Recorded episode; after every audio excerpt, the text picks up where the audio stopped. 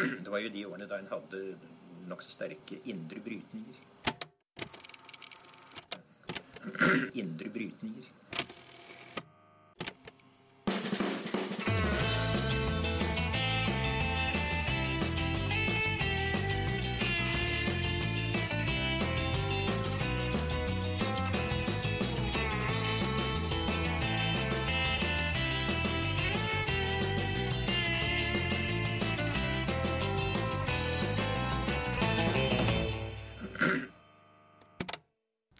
Hei og velkommen til Noen har snakket sammen. Mitt navn er Tiril Rustan Halvorsen.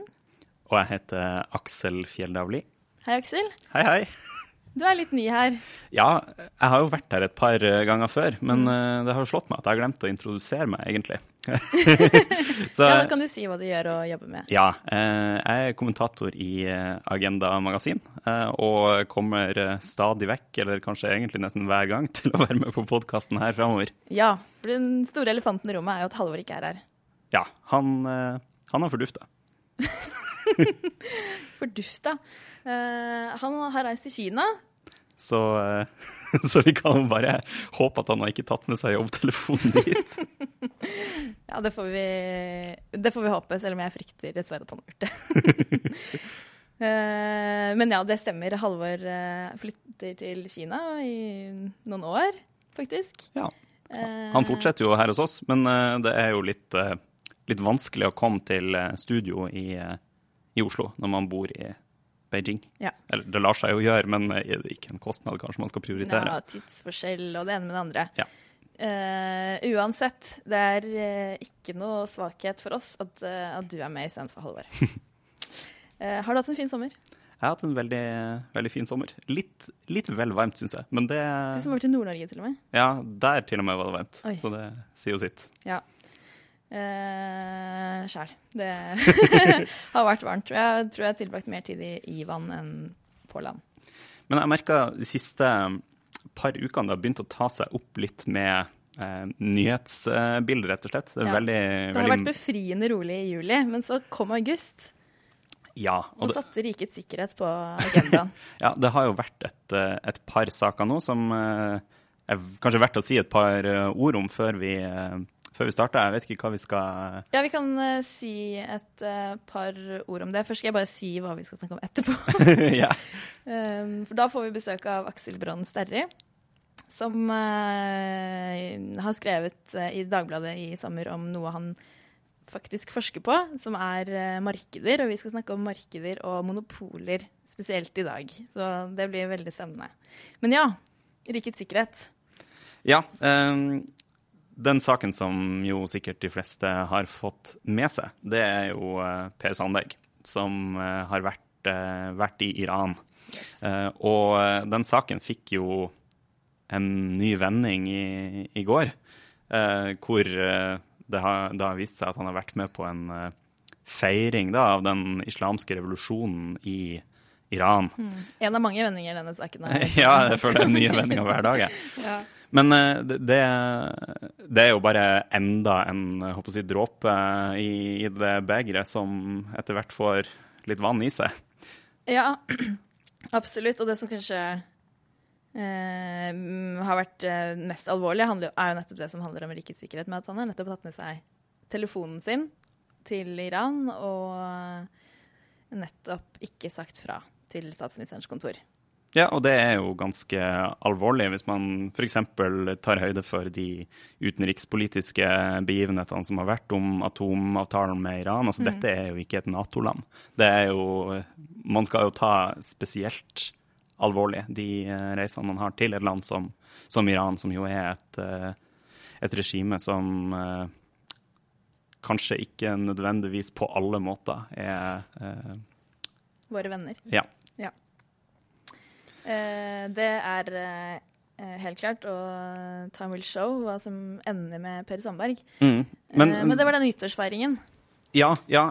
og jeg, jeg syns bare den illustrerer ganske godt hvorfor denne saken er problematisk for Fremskrittspartiet. Mm. Eh, og, og, det skrev jo Vebjørn Selbekk godt om i dagen her i, her i, forrige uke, egentlig. at Fremskrittspartiet har jo stadig vekk utspill eller eh, ting de gjør som uh, de gjør for å vekke oppsikt. Det er jo en del av si, modus operandi for Fremskrittspartiet. Eh, og det er gjerne uttalelser som får store reaksjoner fra en del, men som samtidig tilhengerne til Fremskrittspartiet har ganske stor sans for. Mm. Eh, hvis man liksom røsker tak i establishmentet om eh, innvandring osv. Mm. Men denne saken er jo ganske annerledes, fordi her har Per Sandberg da, brutt kutyme med å basically lefle med et uh, Omfavne, nesten, vil jeg et si. islamsk diktatur. Ja. Og, og det, det, tror jeg eh, medlemmer og velgere i Fremskrittspartiet ser en del mer alvorlig på enn andre ting som mange vil reagere på med Fremskrittspartiet. Mm. Og ikke bare velgerne, men også flere andre tillitsvalgte og politikere i partiet, som Tybring-Gjedde mm. og Masher Keshvari har jo mm. også tatt til motmæle mot uh, dette Når Per Sandberg sier at Iran er et av de mest misforståtte landene i verden, f.eks., så er det jo helt klart at det ja. er Ja. Nei, det blir uh, spennende å følge den, uh, følge den saken, uh, saken, videre, altså. Mm. Mm.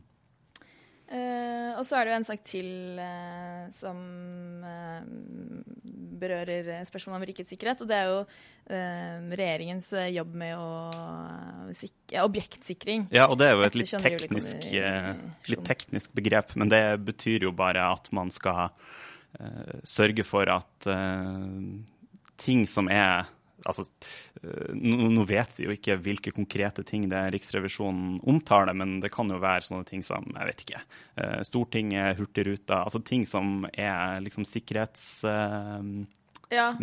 viktig at staten Norge ivaretar.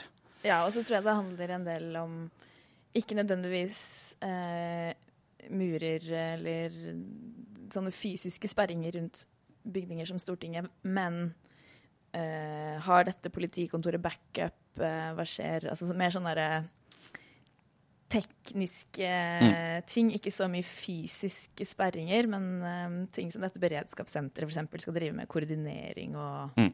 og sånne ting. Mm. Uh, og det blir jo høringer i kontroll- og konstitusjonskomiteen om et par uker. Mm. og spørsmålet er om det vil få konsekvenser for regjeringen eller ikke. Ja.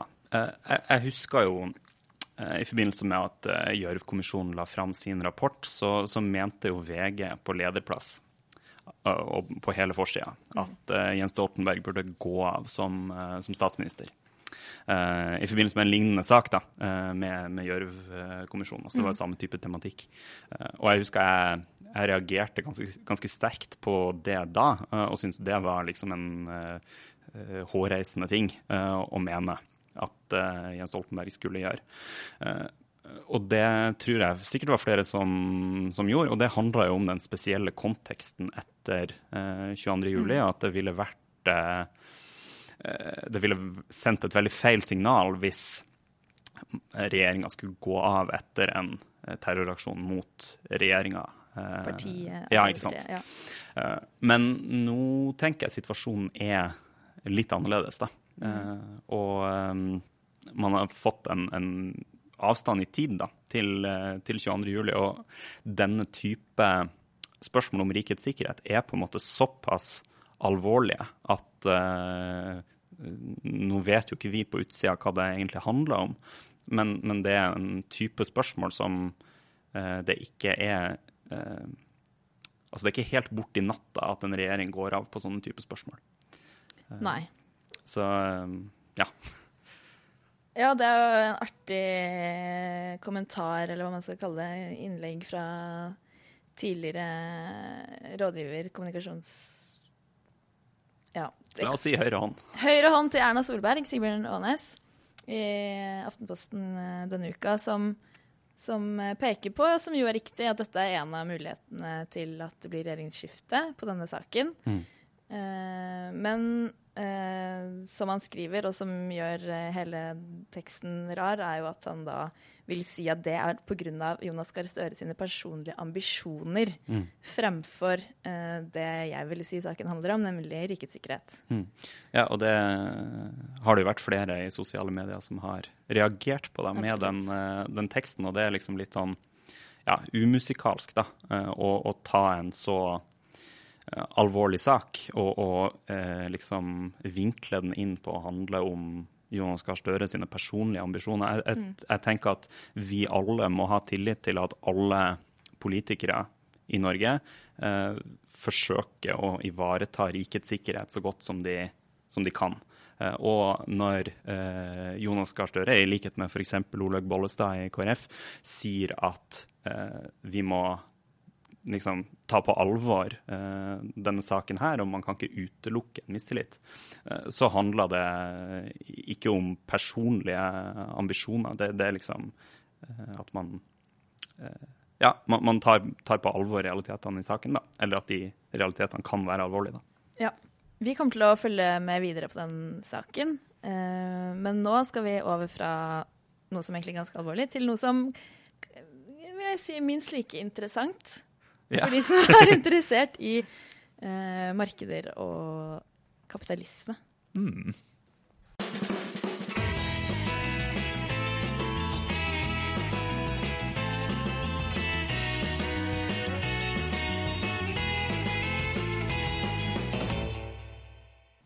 Uh, Tiril, vet du hva eh, korona, Urkel og Budwiser har til felles? Mm, de kan drikke som sommeren? Ja, man kan ta seg en is. Men uh, uh, de blir eid av ett og samme selskap, Aha. som heter AB InBev. og for ikke så lenge siden så kjøpte de opp faktisk et selskap som heter Submiller som var det nest største eh, selskapet for, eh, for, pils i verden. AB InBev var fra før det største selskapet i verden. Eh, så nå er det sånn at hvis du går inn på en tilfeldig pub i verden, kjøper en pils, så er det 30% sjanse for at pengene går til AB InBev. Eh, I Norge så eier eh, Ringnes veldig mye av eh, de ulike pilsbrandene som finnes i Norge. De er da Carlsberg, som eier masse rundt omkring i Europa. Og hvis det ikke er fra Ringnes, så er det ganske stor sannsynlighet for at det er Hansa Borg. Som er en sammenslåing av Hansa og Borg. Eh, og, Jeg ser et mønster her. Ja, og Uansett hvilket av disse selskapene man kjøper en pils fra, så går ca. 2% av inntektene til Vanguard, som er et eh, stort sånn eh, investeringsselskap. Det er jo en Illuminati det her. Uh, dette skal vi snakke litt uh, mer om etterpå, hvorfor dette skjer og hva som er problemet med det. Men, uh, og, og, til å snakke om det, så har vi fått med oss i studio Aksel Bronn Serri. Velkommen hit. mange kjenner deg sikkert som tidligere kommentator og lederskribent i Dagbladet, men nå så har du en stipendiatstilling på Universitetet i Oslo og skriver på en, en doktorgrad. kan du fortelle oss litt først hva det er du forsker på der? Ja, jeg er tilknyttet et prosjekt som handler om hva som kan kjøpes og selges, og hva som ikke bør kjøpes og selges. Uh, og det er typisk det en økonom Alvin Roth kaller frastøtende markeder, repugnant markets. Uh, og det er jo typisk uh, prostitusjon, surrogati, organsalg, slike ting. Og det som gjør det litt interessant, er jo at det er ting vi da gjerne ser på som bra, altså typ, de fleste ser på det å ha sex som en fin ting. Det å gå og bli gravid og få et barn er en veldig fin ting. Og hvis man donerer et organ eller en ja, nyre da, til noen du er glad i, så er det også en fantastisk altruistisk handling. Men når vi blander penger inn i disse her eh, transaksjonene her, så blir det plutselig en veldig alvorlig ting. Og de fleste anser det da markeder disse godene for å være gale. Så da er på en måte spørsmålet hva er det i så fall ved disse godene som gjør at de er spesielle? Er de spesielle, eller er det bare, har vi på en måte noen sånne moralske antenner som, ikke, som er litt knukket, eller som ikke funker? Uh, og det er det vi prøver å rote litt rundt i, da. Ja, Har du funnet noe så langt, eller? Iallfall min, eh, min eh, hunch så langt er at um, det, er, det, er, ikke noe som gjør at iallfall disse godene her i alle tilfeller ikke kan passe for et marked. Altså si at du, du, kan gjøre det veldig enkelt med å lage noen sånne tankeeksperimenter hvor du sier at du allerede er klar for å donere en nyre til en du er veldig, veldig glad i. Og så sier de hei, vil du også ha en million kroner for det, som du kan gi bort til Against Malaria Foundation og redde mange liv? Så virker det veldig merkelig å si at den handlingen da ble umoralsk eller ble gal, eller at den ikke burde tillates. Eh, samme kan jo sies sant, med diskusjoner om surrogati. Så er det mange, bl.a. Venstre i Norge vel, som er for altruistisk surrogati. Iallfall lukter det på det. Og da, det de mener med altruistisk surrogati, er at de syns kanskje det er greit for en kvinne å bære fram et barn for en annen, for et annet par, eh, men det er ikke greit for henne å bli kompensert økonomisk for dette her. Og det igjen virker på en måte merkelig. Du kan jo tenke at du allerede gjør dette her av ditt gode hjerte. Du vil gi, gi et barn til noen andre, og så kan du tenke deg at du kanskje i tillegg får kompensert 500 000 eller en million kroner for det. Og så kan du bruke de pengene på et eller annet som er bra. Eh, så igjen så virker det rart å si at her er det noe iboende i det her som gjør at det blir galt å, å bruke eller å benytte eller, eller å betale for det.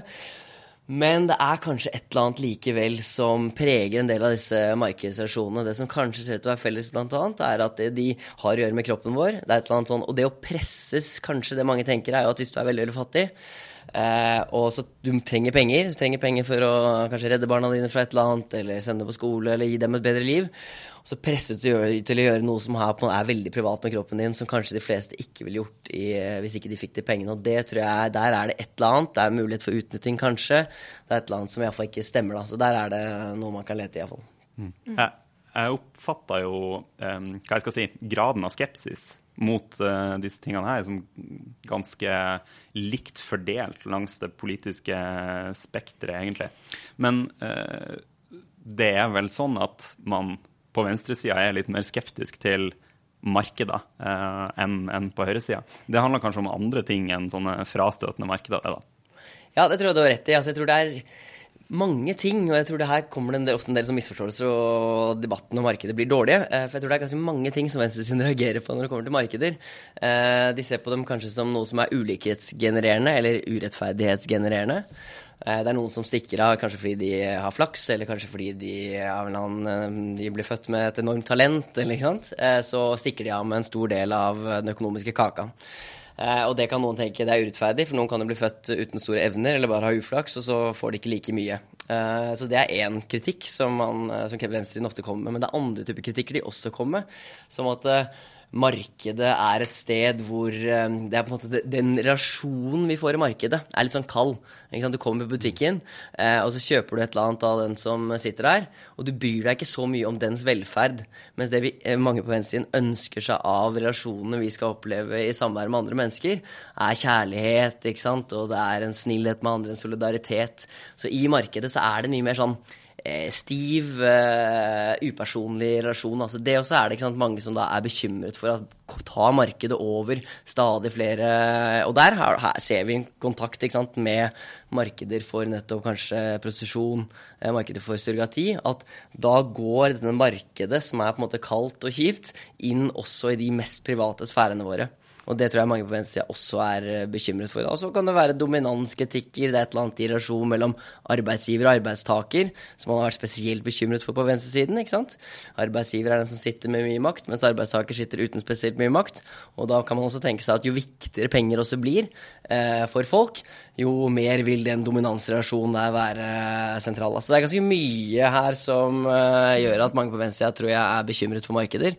Men Går det an å si ja. noe om at det, Akkurat det du snakket om nå, om dominans og arbeidsgivere, arbeidstakere og makt, at det er noe som fordi markeder har man jo hatt i mange tusen år.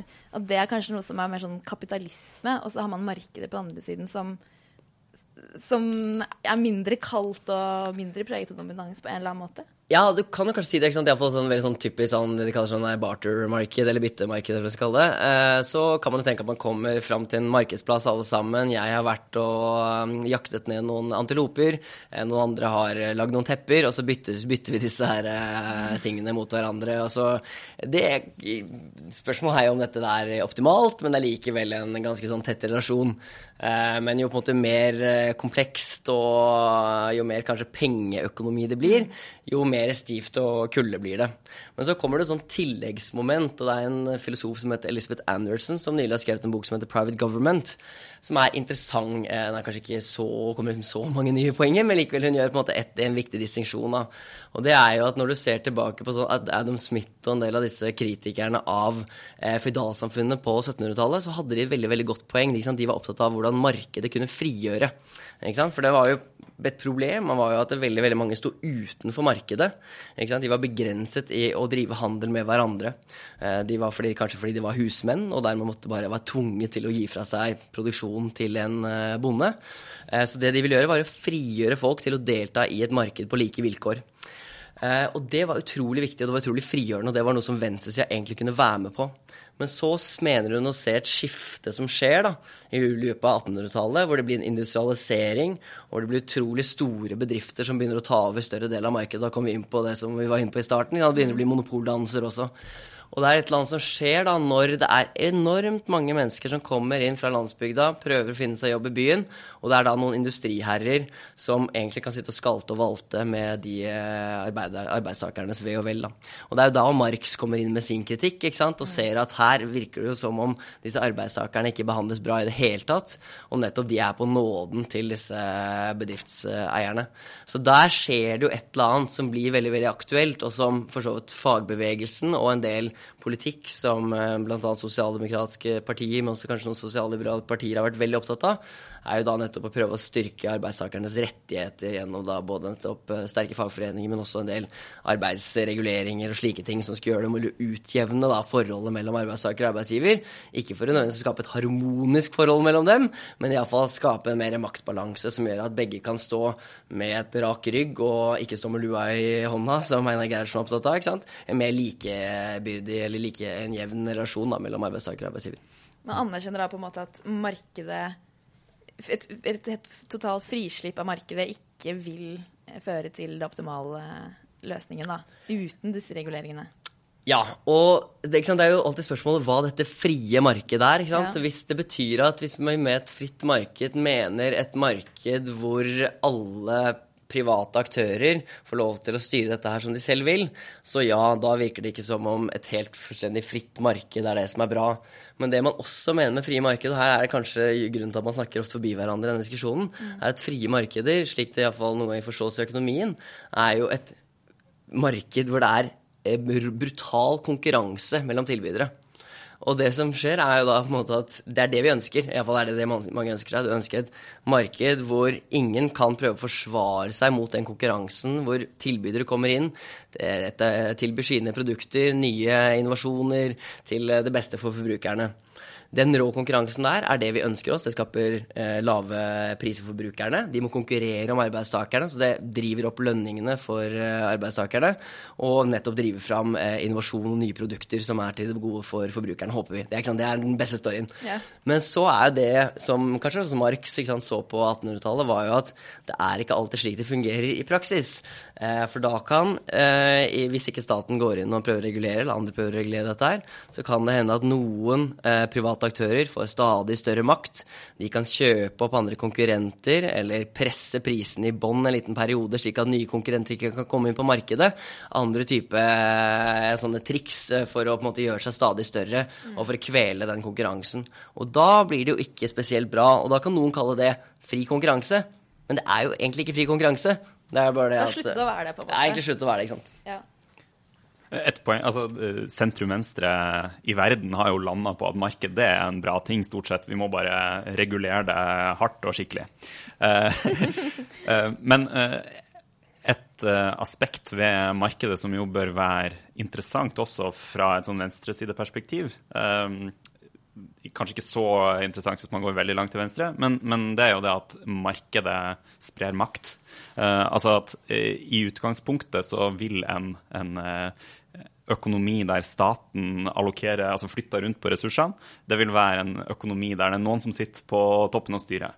Mens eh, i et marked så er det eh, den enkelte eh, forbruker, kjøper, selger da, som har, har makt. Eh, og det er vanskeligere at det på en måte korrumperes fra sentralt hold enn en, en stat der ja, der demokratiet kan undergraves. Ja, og sant, er, der er det jo en, det er den siste på en måte venstreside, og da snakker vi kanskje ytre venstreside, kritikken av markedet, er jo nettopp det at Eh, når staten tross alt har kontroll over dette her, jeg har kontroll over større, stadig større deler av økonomien, eller kan eh, begrense den ulike, med ulike reguleringer, så er det tross alt folket. ikke sant? Siden folket har kontroll over staten, så kan man igjen ha kontroll over økonomien.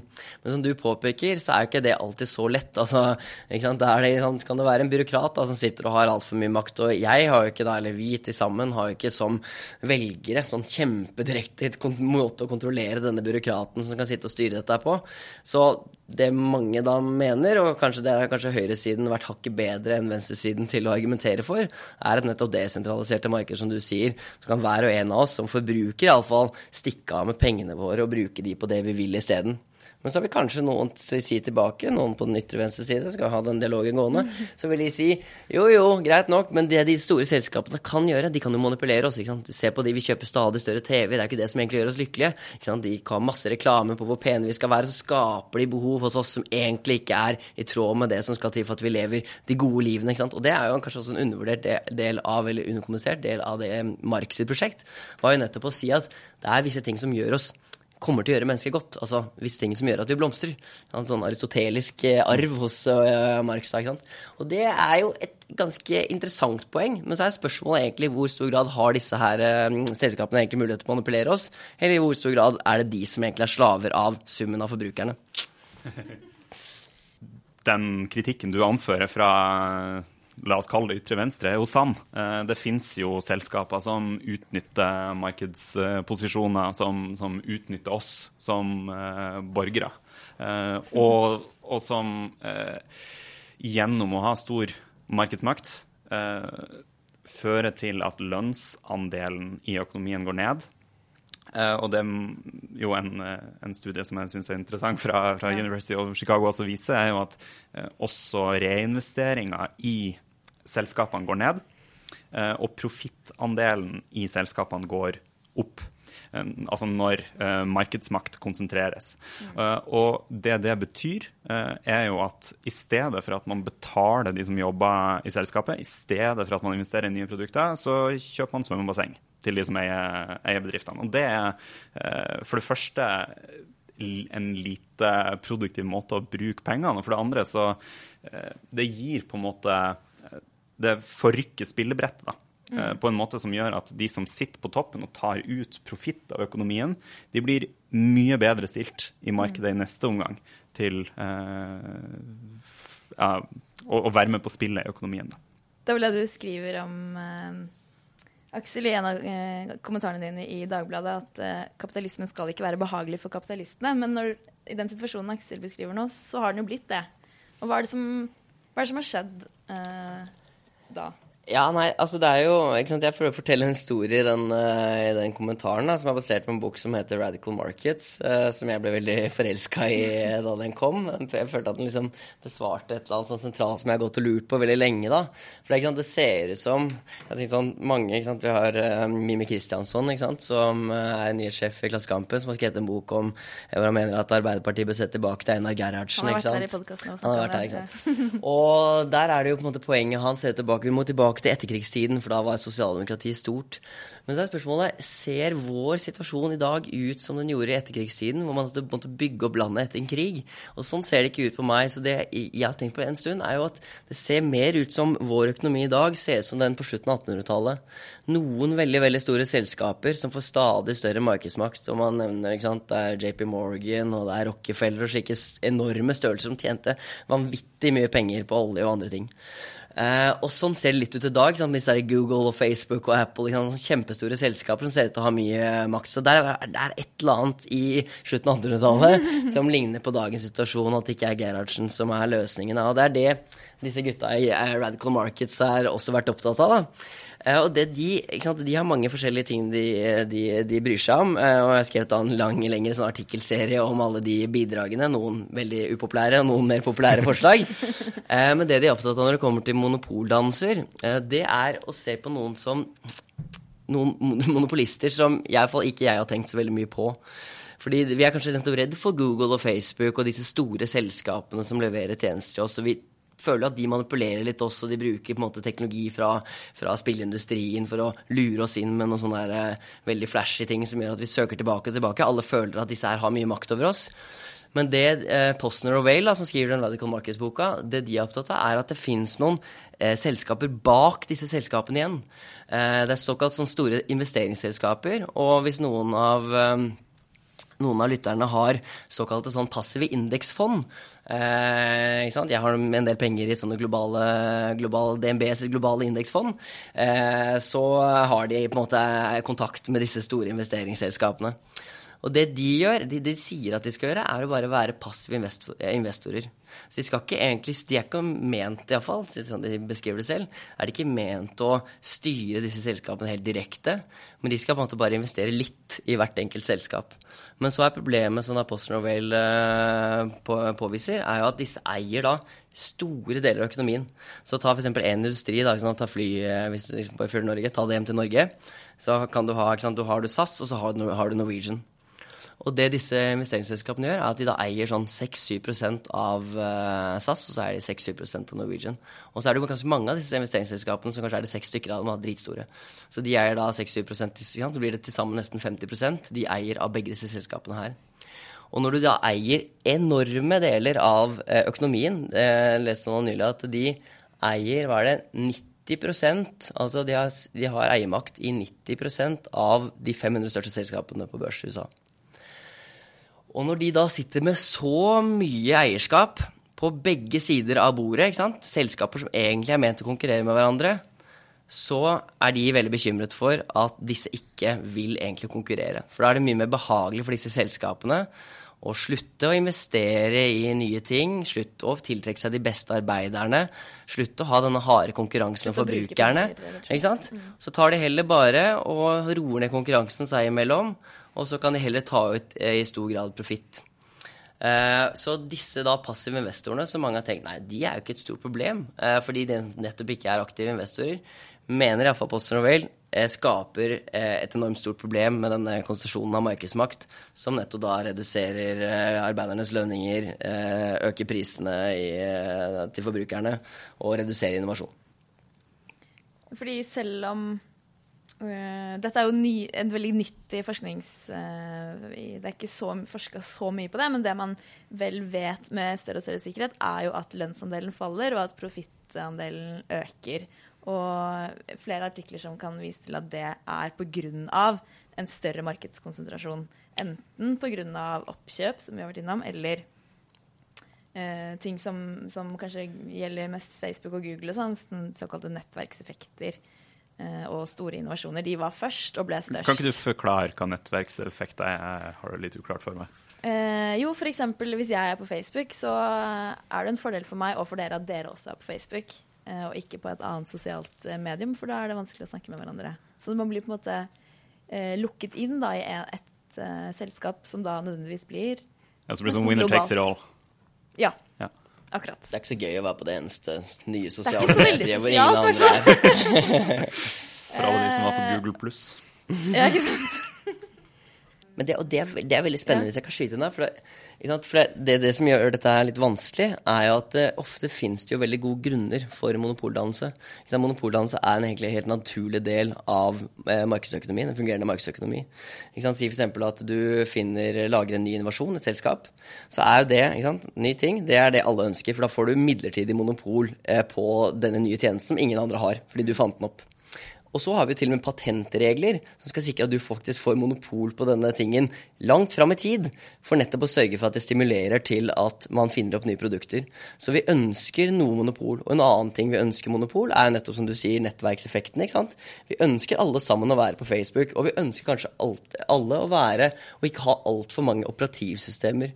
Vi ønsker at kanskje Google er de som leverer oss noen basic tjenester. Så kan det heller være konkurranse oppå den, uh, oppå den plattformen. En annen ting vi ønsker, er jo Vi ønsker jo at Eh, selskaper skal slå seg sammen, hvis det kan innebære at istedenfor at de har masse store fabrikker hver for seg, så kan de samle seg og så heller bruke én fabrikk, slik at vi får frigjort ressurser i økonomien. Så vi, det er på en måte mange ting som gjør at det er naturlige monopoldannelser i økonomien, som nettopp egentlig da kan og burde bidra til at prisene går ned, nye produkter lages og faktisk lønningene kan eh, gå opp, siden det er da mulig for færre arbeidere å skape større verdier. Men det er gitt at man faktisk ser disse positive effektene. For det eneste som skjer, er at prisen går opp, og de tjener mer penger. Så har på en måte maktkonsentrasjonen overgått effektivitetsgevinstene. Nettopp, ikke sant. Og det som har vært historien lenge, har jo nettopp vært det at det er disse positive monopoleffektene vi egentlig har sett. ikke sant? Så nå har det vært mulig pga. ny teknologi at de store vinner alt. ikke sant? For nå kan f.eks., bare for å ta et trivielt, trivielt eksempel som man fortsatt ikke kan tjene så mye penger på, men hvis du har, en måte har en foreleser på universitetet Så eh, i tidligere tider så kan man si at det er begrenset til hvor mange studenter som er på det selve universitetet. Men med bruk av ny teknologi så kan i teorien den beste foreleseren nå alle verdens studenter. Og da tenker man ok, nå har det kommet ny, spennende ny teknologi eh, som gjør det mulig for noen å stikke av med all gevinsten. Og det har jo vært en forklaring på hvorfor vi nettopp har sett fallende lønnsandel og slike ting. Men så er det som dere sier, nå ser det ut til å komme stadig flere resultater som tyder på at det ikke er det som skjer. Mm. For i den der Chicago-studien så er det, vel, er det vel hvis ikke det er en annen, så ser man jo nettopp det at det også er en fallende avkastning på kapitalen. Tvert, ja. ikke sant? Strid med det Ja, det, det som er mest interessant med den studien, egentlig, er at både lønnsandelen og den tradisjonelle kapitalandelen går ned. Ja. Sånn at det er mindre som går til lønn, mindre går til reinvestering i selskapet, og mer går til det minst nyttige, som ja. er å ta ut profitter. Ja, ikke sant. Og det er jo, det er jo veldig selvfølgelig fint for, eh, for venstresidefortellingen om eh, hvordan økonomien fungerer, for da er det ikke sant, da er det en eller annen form for sånn, for det første, ja, som du var inne på i stad, så er det en form for sånn konspirasjon her. Det er, ikke sant? det er noen slemme folk, eh, slemme kapitalister, som driver og konspirerer imot allmennhetens interesse. Uh, men det er også da muligheter for at politikk kan bedre disse markedene. da. Og det som da er interessant, tenker jeg, er jo Vi kan komme tilbake til de konkrete virkemidlene vi kan bruke.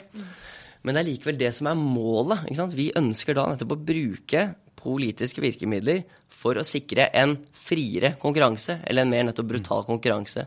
Så det vi alle ønsker oss, er på en måte det å være nyliberal i den gamle forstand av det ordet, som er nettopp å bruke staten til å skape eh, mer og mer effektive og bedre markeder. Med sunne skranker. Ja, ikke sant? Så det kan man også si. Så skal man ha for eksempel, et annet problem, og det er en grunn til at dette er også et amerikansk problem, er at ikke, der har du både mistet det som har vært to skranker mot eh, disse monopoldannelsene som lett da nettopp skjer i økonomien når frie aktører får lov til å i hvert fall bestikke politikere og lage gode rammer for seg selv. Eh, det har jo vært eh, nettopp både en del sånn eh, antitrust-forsøk på å begrense markedsmakten, som f.eks. hvis nettopp et stort selskap, ta f.eks. Sats og Elixia, skal slå seg sammen, så må det gjennom en viss sånn for godkjenning. Ok, de kan ikke få for stor makt i treningstilbud, eller styrketrenings... hva det skal være det vi kaller dette her. Eh, det skal de ikke få lov til. ikke sant? Så da har vi myndighetene som legger begrensninger på det. Noen ganger så godtar de det, noen ganger så godtar de det ikke. Og da er det nettopp en avveining mellom å si at ja, det er visse stordriftsfordeler med å kunne slå seg sammen, men det er også et problem hvis dere får for mye markedsmakt, for da kommer dere bare til å presse opp prisene. Så det er på en måte den ene siden man har prøvd å gjøre. Men så er den andre siden er jo faktisk eh, sterke fagforeninger og andre typer reguleringer som sikrer iallfall at, at minimum av at eh, arbeiderne faktisk får en viss lønnsandel, og at de også kan ha en motmakt mot disse store selskapene.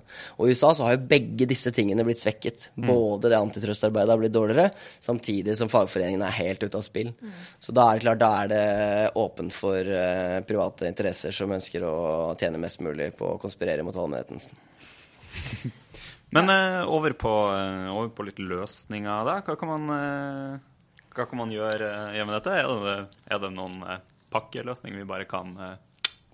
Dette er dette er ikke mitt, mitt ekspertområde, så, men her kan vi spekulere litt. Altså, det som iallfall er Posner og Whale i den Radical Markets sin løsning på dette med disse investeringsselskapene, er å si at det de ikke skal få lov til, er å eie da en større andel enn 1% hvis de skal ønsker å ha, måte, ha, eierinteresser i mange selskaper innenfor én industri, så må de kun eie 1% Men hvis de da ønsker å eie større, eh, og det er litt av det som egentlig er ønsket med denne eh, regelen om maks 1% er at hvis de ønsker å eie mer, så tvinges de da til å ikke eie i noen av de andre. Da kan de bare eie et selskap.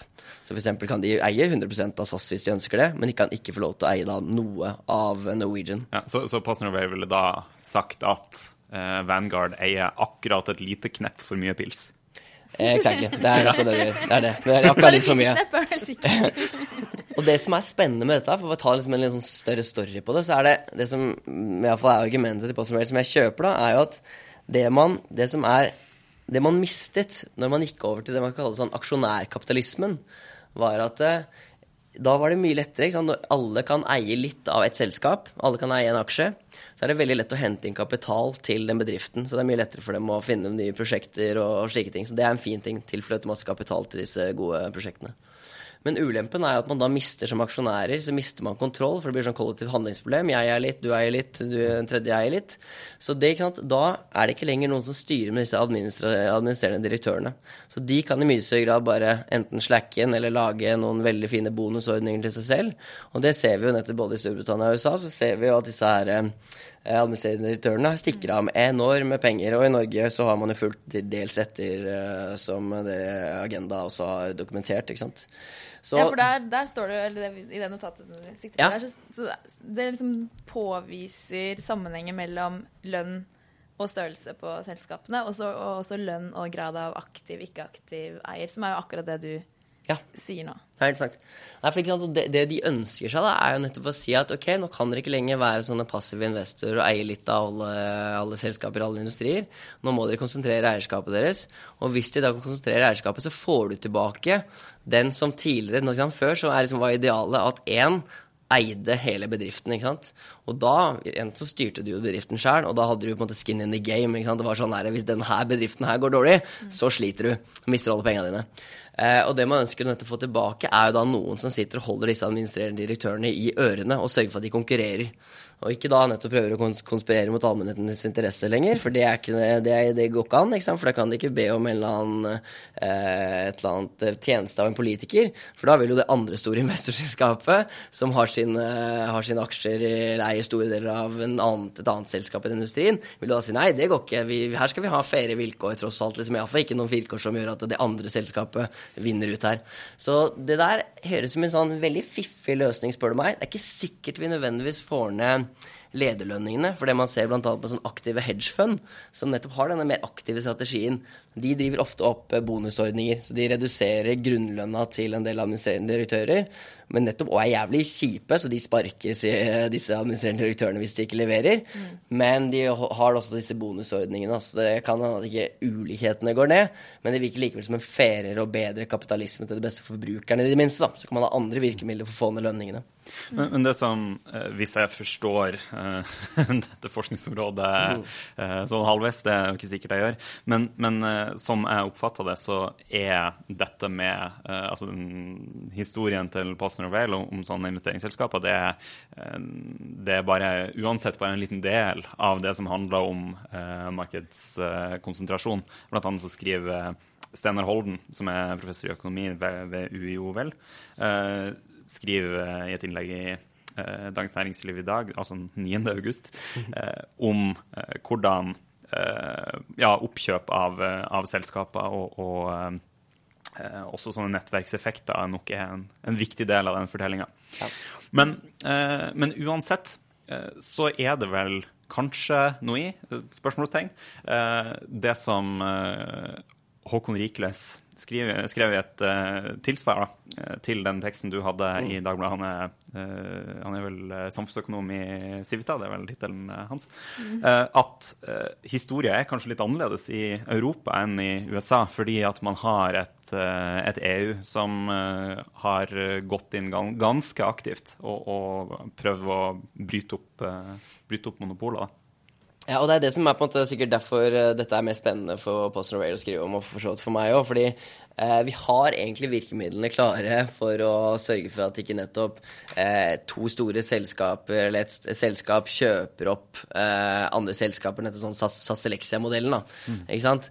eller om Rimi Nei, nå ble jo kanskje Rimi kjøpt opp, men si at Kiwi skulle kjøpt opp Rema 1000 og ikke sant? Allerede veldig konsentrert makt i, i den sektoren, og så kan de på en måte kjøpe stadig mer. Og her er det egentlig bare snakk om myndigheter som tør å begrense stadig nye oppkjøp. Mm. Det er ikke overraskende at dette skjer. Og hvis man da har nettopp en sterkere konkurransemyndighet som tør å si til disse selskapene nei, sorry, dere kan ikke gjøre dette her, for dette skaffer dere for stor monopolpakt, så har man på en måte løst deler av problemet. Så vil man dumme seg ut utrolig mange ganger fordi det, selv om man finner en markedssvikt, så er det ikke sikkert at uh, myndighetene ikke leverer løsninger som er uten svikt dem selv.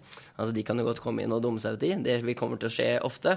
Men så kan det nettopp se ut som vi ser av historien fra USA, at det, det har vært et problem at man ikke har turt nok. da. Mm. Uh, Holden igjen i det innlegget i Dagens Næringsliv. Han, han understreka jo hvordan mm, dette ikke bare er et amerikansk problem, men et betydelig problem i Europa og i Norge også. Uh, men mitt inntrykk eh, av det arbeidet som har blitt gjort av Margrethe Vestager spesielt eh, i, i, EU, er jo at det er litt sånn, litt sånn skraping i overflaten, egentlig. Jeg, jeg, nå har ikke jeg satt meg veldig nøye inn i dette, men jeg syns jo det Jeg har lagt merke til at det er liksom Amazon, det er Facebook, det er Apple. Det er liksom de mest kjente selskapene i verden de går etter. Det, det minner meg litt om det arbeidet som den spanske skattemyndigheten har gjort i, uh, mot uh, skatteunndragelse. De har gått bevisst etter noen av de mest kjente fotballstjernene i verden for å få mest mulig oppmerksomhet rundt arbeidet. Uh, og at kanskje arbeidet til EU er litt, litt på det samme stadiet. Så ja, jeg tror dette problemet er mye større enn det EU tar tak i nå. Men det virker i hvert fall for meg som at uh, folk og politikere på tvers av den politiske spektrumet egentlig bør være opptatt av dette, markedskonsentrasjon, og det er ikke bra for no noen av oss, egentlig. Uh, jeg har blitt veldig mye klokere av å ha deg her, Aksel. Tusen takk. Takk for det.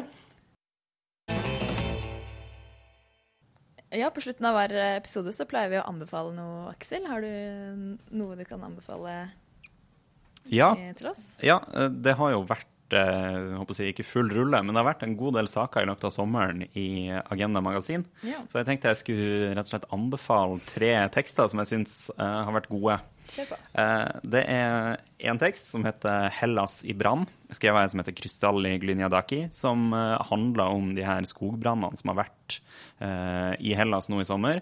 Jeg syns det har vært ganske sjokkerende lesning, egentlig. Mm. Dette er liksom noe helt annet enn det man har hatt i, i Sverige. Både liksom de menneskelige konsekvensene, menneskeliv som har gått tapt, men også hvordan hun knytta det til gresk politikk og det greske samfunnet, og hvordan man eh, ikke har eh, hatt eh, beredskapen på plass. Da. Så den ene teksten. Ja, og så en annen tekst som heter 'Nye tanker i distriktspolitikken'. Eh, som er en, eh, en eh, statsviter som heter Jonas Stein, som også har vært byråd for Venstre i Tromsø, som snakker om hvordan norsk distriktspolitikk ikke har vært så fryktelig mye bedre enn den svenske. Eller kanskje ikke bedre i det hele tatt. Nei, det, og det er jo en, en oppfatning som mange har. Så det er en interessant tekst. Kanskje provoserende for noen, jeg vet ikke. Og så en tekst av en som heter Joshka Fisher, som er tidligere tysk utenriksminister, som skriver om hvordan det er i ferd med å skje et uh, geopolitisk skift da, fra Vesten til Kina. Og at dette kommer til å få ganske store konsekvenser for Europa om ikke EU tar noen grep. Gode anbefalinger. Det kan jeg stille meg bak. Uh, jeg vil bare si to ikke, så mye anbefalinger, men sånn to annonseringer mer. Det ene er at at nestleder i Senterpartiet, Anne Beate Tvinnereim, skal begynne hos oss i Tankesmien Agenda i oktober. Uh. Ja, det blir gøy. Eh, det gleder vi oss til. Eh, og vi kommer vel sikkert å få henne i studio tenker jeg, når det nærmer seg. Ja, det må vi få til. Det må vi få til. Og det andre er at Noen har snakket sammen, podkasten, har fått sin egen Facebook-side. Så jeg håper at alle som hører på, går inn og liker den. Da vil det komme litt sånn oppdateringer og artikler, f.eks. noen av de vi har snakket om i dag, kan vi legge ut der sånn, til alle som er interessert i bakgrunnen for det vi snakker om. Um, ja, Så det var det jeg hadde å si. Mm. Da var det første episode etter uh, sommeren. Ja, det gikk jo greit, det. Neste uke er det Arendalsuka, men vi skal få til et eller annet. yes. ja. okay. Så vi høres da. Ha det. Ha det.